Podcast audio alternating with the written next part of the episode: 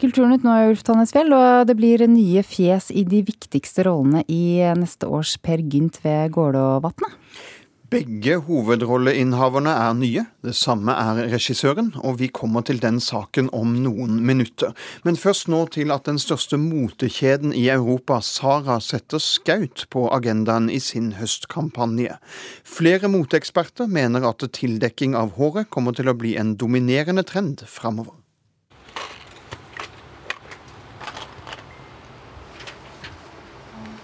Fargerike stoffer ligger lag på lag i ruller i en butikk i Oslo sentrum. Klesdesigner Ellan Skargari står bøyd over en hylle med små detaljer. En knapp, en perle. Og velger omstendelig ut detaljer til sin neste prosjekt. Så trenger jeg liksom bare detaljer og sånn til antrekket. Mm, men det er det som er liksom vanskelig å kjøpe òg, for det er liksom alt avklart. Så du må finne ting som passer til det. En trend som flere moteeksperter spår at kommer til å blomstre denne høsten, er tildekning av håret og skaut. Så Hodeplagg har vi allerede sett på catwalken for høsten som kommer nå.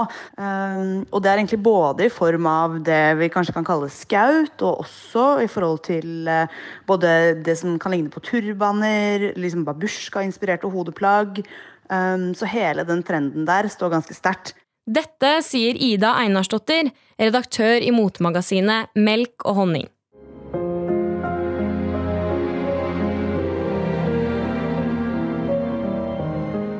Her hører du lyd fra høstkampanjen til klesgiganten Sara. Videoen den viser kvinner av ulike etnisiteter, alle med skaut som dekker til håret. Einarsdottir mener at det er på tide med en trend som kan appellere til kvinner fra ulike kulturelle bakgrunner. Bare her hjemme, som når Costume hadde eh, Iman fra Skam som første, som første, modell på coveret med hijab, så er det klart at det blir en kjempedebatt rundt det. Eh, men, men, jeg tror jo også at mange mener det er på tide, i lys av nettopp den mangfolddebatten. Så hele den her er jo på en måte et litt sånn minefelt i, i sånn debattmessig, men også, tror jeg, eh, en veldig viktig debatt å ta, da. Eh, I lys av mangfold og i lys av den trenden som forhåpentligvis er noe mer enn en trend, da. Og mer kanskje et sånn paradigmeskifte i moten. Tildekning av håret av religiøse årsaker er et tema som har vært mye diskutert. Dana Monosheri er generalsekretær i organisasjonen LIM, som jobber for å fremme innvandrernes deltakelse i samfunnet. Hun mener det er trist hvis skaut blir en trend. Det er jo så mange trender å velge mellom. Så det er jo veldig synd at det er dette som, er, som blir kanskje høstens trend, med tanke på historikken som ligger bak det. Og det er paradokset at på, i Vesten så blir dette et trend og et eh, frihetssymbol eh, for tildekte kvinner, mens i store deler av den muslimske verden så er det et symbol på å holde kvinner nede, til tvangstildekning, undertrykkelse. Klesdesigner Elna Skargari håper derimot at skautrenden vil være med på å fjerne noe av stigmaet rundt tildekning av håret. Jeg håper det iallfall, men jeg håper liksom at befolkningen skal selv få den knowledgen at man skal respektere andre. Og det trenger absolutt ikke å skje gjennom en trend, men faktisk av en menneskelig forståelse. Eh, men kanskje trend kan hjelpe til, eh, og bare gjøre sånn at folk blir mer vant til å se det, sånn visuelt. Men ting må bli forstått før man kan også forstå det man ser. ikke sant? Kleskjeden Sara har ikke svart på NRKs henvendelser. Reporter her, det var Kaja Marie Andreassen. Ragnhild Toft Brochmann, du er kunst- og motekulturhistoriker og også spaltist i Morgenbladet. Hvor sterk er denne skauttrenden? Nei, altså Skaut-trenden er jo sterk på den måten at uh, den er veldig pressevennlig, medievennlig. Og hvorfor er den det? Det er jo selvfølgelig fordi dette er en del av en mye større trend som har vært snakket om ganske lenge allerede, som går under denne sekkebetegnelsen uh, modest fashion. Og det, det begrepet handler om, er jo på den ene siden at den muslimske moteverdenen er voksende. Det er den raskest voksende i verden. Den omsetter for enormt mange penger. Den handler også om en, et stiluttrykk som er store volumer, eh, lag på lag. Eh, og også en, kan man se det som, en slags brobygger mellom muslimske kvinner, og det at de ofte selvfølgelig er en del av den vestlige verden og den vestlige virkelighet, og ønsker seg de samme motuttrykkene og den samme konsumkulturen som vi er en del av. Så man kan godt se det som en brobyggerstil, en brobyggermote. Og dessuten så er det veldig viktig å huske på at den moten handler like mye om noe som har vært viktig i Skandinavia veldig lenge, og det er nettopp et stiluttrykk som er kjønnsnøytralt, som er lag på lag, hvis du tenker på Kos eller Marimekko, disse kjedene. Som er imot det kroppsnære og det klassisk seksualiserte, sånn som vi tenker på med tangatruser og pushup-gjør og ting som er veldig tight. Så har vi lenge nå blitt litt lei av det. Det er både, kan man se som en politisk hendelse, eller en samfunnskommentar. Og så kan man se på det som at man er lei av den stilen og det uttrykket, og at man ønsker seg nettopp den store motstrekken som er det voluminøse og det kjønnsnøytrale, og ikke minst som leker seg med en fargepalett som er annerledes enn det veldig svarte og hvite og strenge som vi har hatt veldig lenge, det minimalistiske. Da kan man enten se til Østen, eller man kan gå til hiphopkultur og kjøre på med rødt og hvitt og blått, som man også gjør nå, siden vi er veldig opptatt av det streetete også. Så her er det mange stiler i spill samtidig. Men en brobyggerrolle, sier du. Hvilken virkning kan denne trenden da ha for, for de som bruker hijab? Nei, jeg tenker eh, Jeg har lyst til å igjen hoppe litt på siden av spørsmålet ditt og si at eh, for det første, det som Sara gjør, det er eh, De lanserer ikke en hijab i så måte. Det føler jeg er ganske viktig å si. Hvis du ser på det i kampanjene, så ser du et stiluttrykk som like mye ser ut som sånn som Skaut ble båret i det katolske Sør-Europa. Eller litt sånn som det ble båret i Norge og i, ja, i, rundt århundreskiftet. Og selv min bestemor gikk jo med Skaut fordi hun kom fra et bondesamfunn. Eh, og det handlet jo om mange av de samme tingene, om ærbarhet og en, eh, hvor du er i livssyklusen og hvor gammel du er og alt det der. Men det er jo også et praktisk plagg som har noen veldig rurale og jordnære røtter. Og det som Sara viser, har like mye røtter inn i det som i den muslimske tradisjonen. Måten det væres på, og måten eh, sjallet knyttes på, rett og slett. Men vi hører jo at organisasjonen LIM her ikke er begeistret for dette, og mener at plagget i store deler av den muslimske verden da er et symbol på å holde kvinner nede, da selv om mm. plagget ikke er nøyaktig det samme. Mm. Kan det være noe problematisk rundt dette?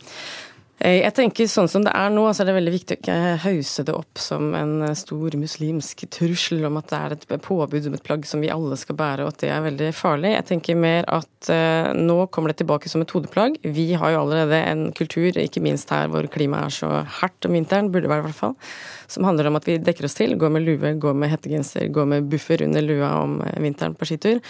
Uh, så jeg tror at uh, det er ikke noe vits å være så fryktelig redd for det, og, heller at det er lov til å som det alltid har vært, å låne eh, kulturelle uttrykk fra andre steder enn den klassisk tradisjonelle eh, nordeuropeiske, eh, hvis vi snakker om oss lokalt her, og at, at det ikke er noe å rope så høyt varsku for, tror jeg.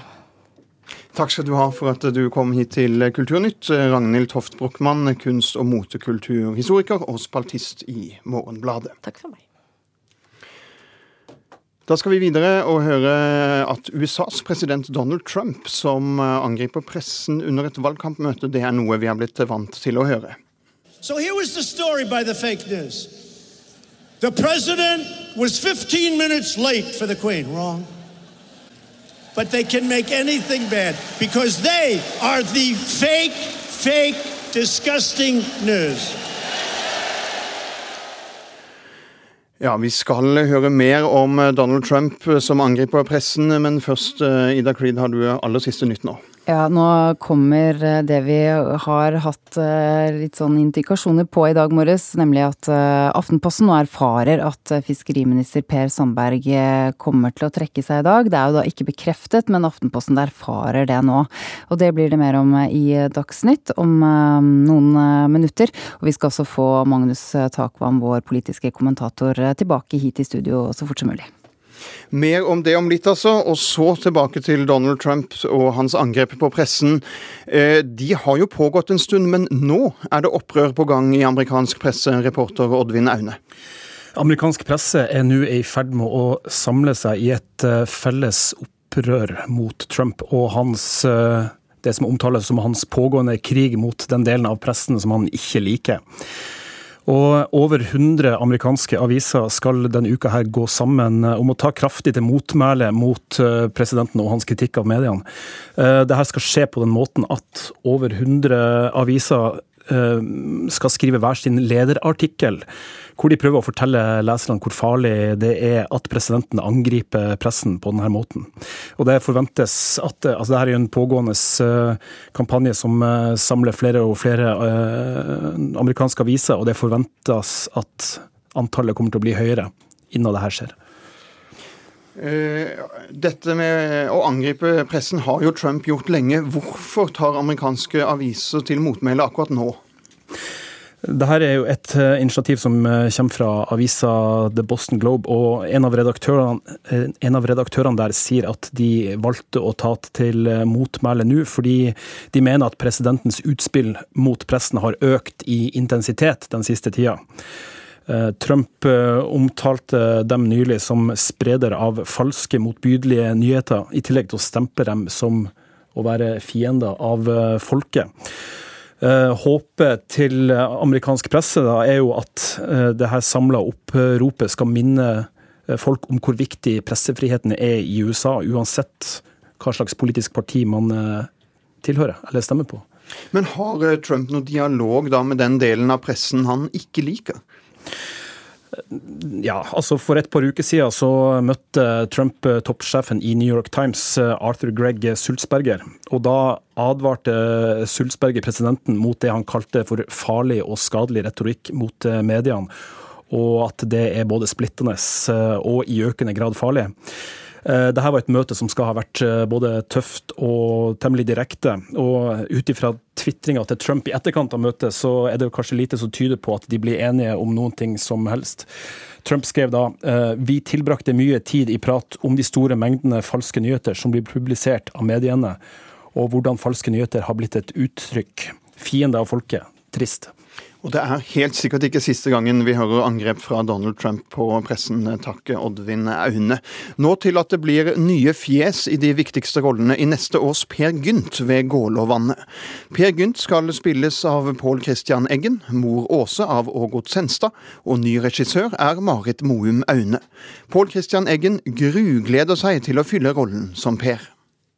Ja, det blir en særdeles spennende oppgave. Jeg gleder meg veldig til å komme opp hit og bli kjent med folk og ta fatt på dette stoffet. Det er jo kanskje noe av det beste stoffet man får tak i når det gjelder teater. Så nei, bare glede. Og selvfølgelig eh, en slags underliggende frykt ligger der også, men det er en sånn skrekkblanda fryd. Men jeg gleder meg. Han er godt kjent med historiske rollefigurer Pål Christian Eggen. Blant annet har han vært med i spillet om Heilag Olav på Stiklestad. Et år måtte han steppe inn på kort varsel for å ikle seg rollen som kongen. Den nye Per Gynt er heller ikke ukjent i områdene rundt Gålå og i Gudbrandsdalen. Han har mye slekt i Espedalen. En annen rolle, mor Åse, får også en ny person. Ågot Senstad fra Nes i Ringsaker er til daglig ansatt på Nationaltheatret. For henne er dette helt nytt materiale. Det er eh, Jeg syns kanskje at versedramaet eh, til Ibsen er kanskje noe av det mest tidløse faktisk som han har skrevet. Så. Men det, det, er en utfordring. Og hvis vi kanskje skal driste oss til å tale dialekt i tillegg, så blir det en diger jobb. Den som skal ha hele regien for neste års Per Gynt, er Marit Moum Aune. Hun har brei erfaring fra en rekke teaterscener landet rundt. Hun vil ikke røpe for mye om endringen hun vil gjøre, men vil at stykket skal spilles på døl.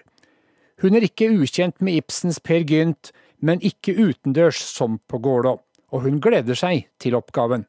Jeg har jobba mye utendørs. Jeg har vært på Stiklestad, jeg har vært på Elden på Røros, andre steder. Og nå har det vært noen år uten. Og når jeg fikk spørsmål om det her, så kjente jeg en sånn lengsel etter å jobbe sammen med masse folk på det viset sånn som man gjør her. Det er faktisk, jeg må innrømme, det ligger før det å sette opp Per Gynt.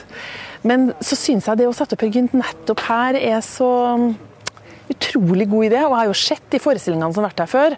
Og jeg syns den som har vært spilt i år, og også den eh, Erik Ulsby satt opp og tidligere Svein Stula Hugnes, er, har vært sånn ordentlig verk. Store, flotte forestillinger. Og det har jeg lyst til å være med i rekken av og få lage min versjon, da.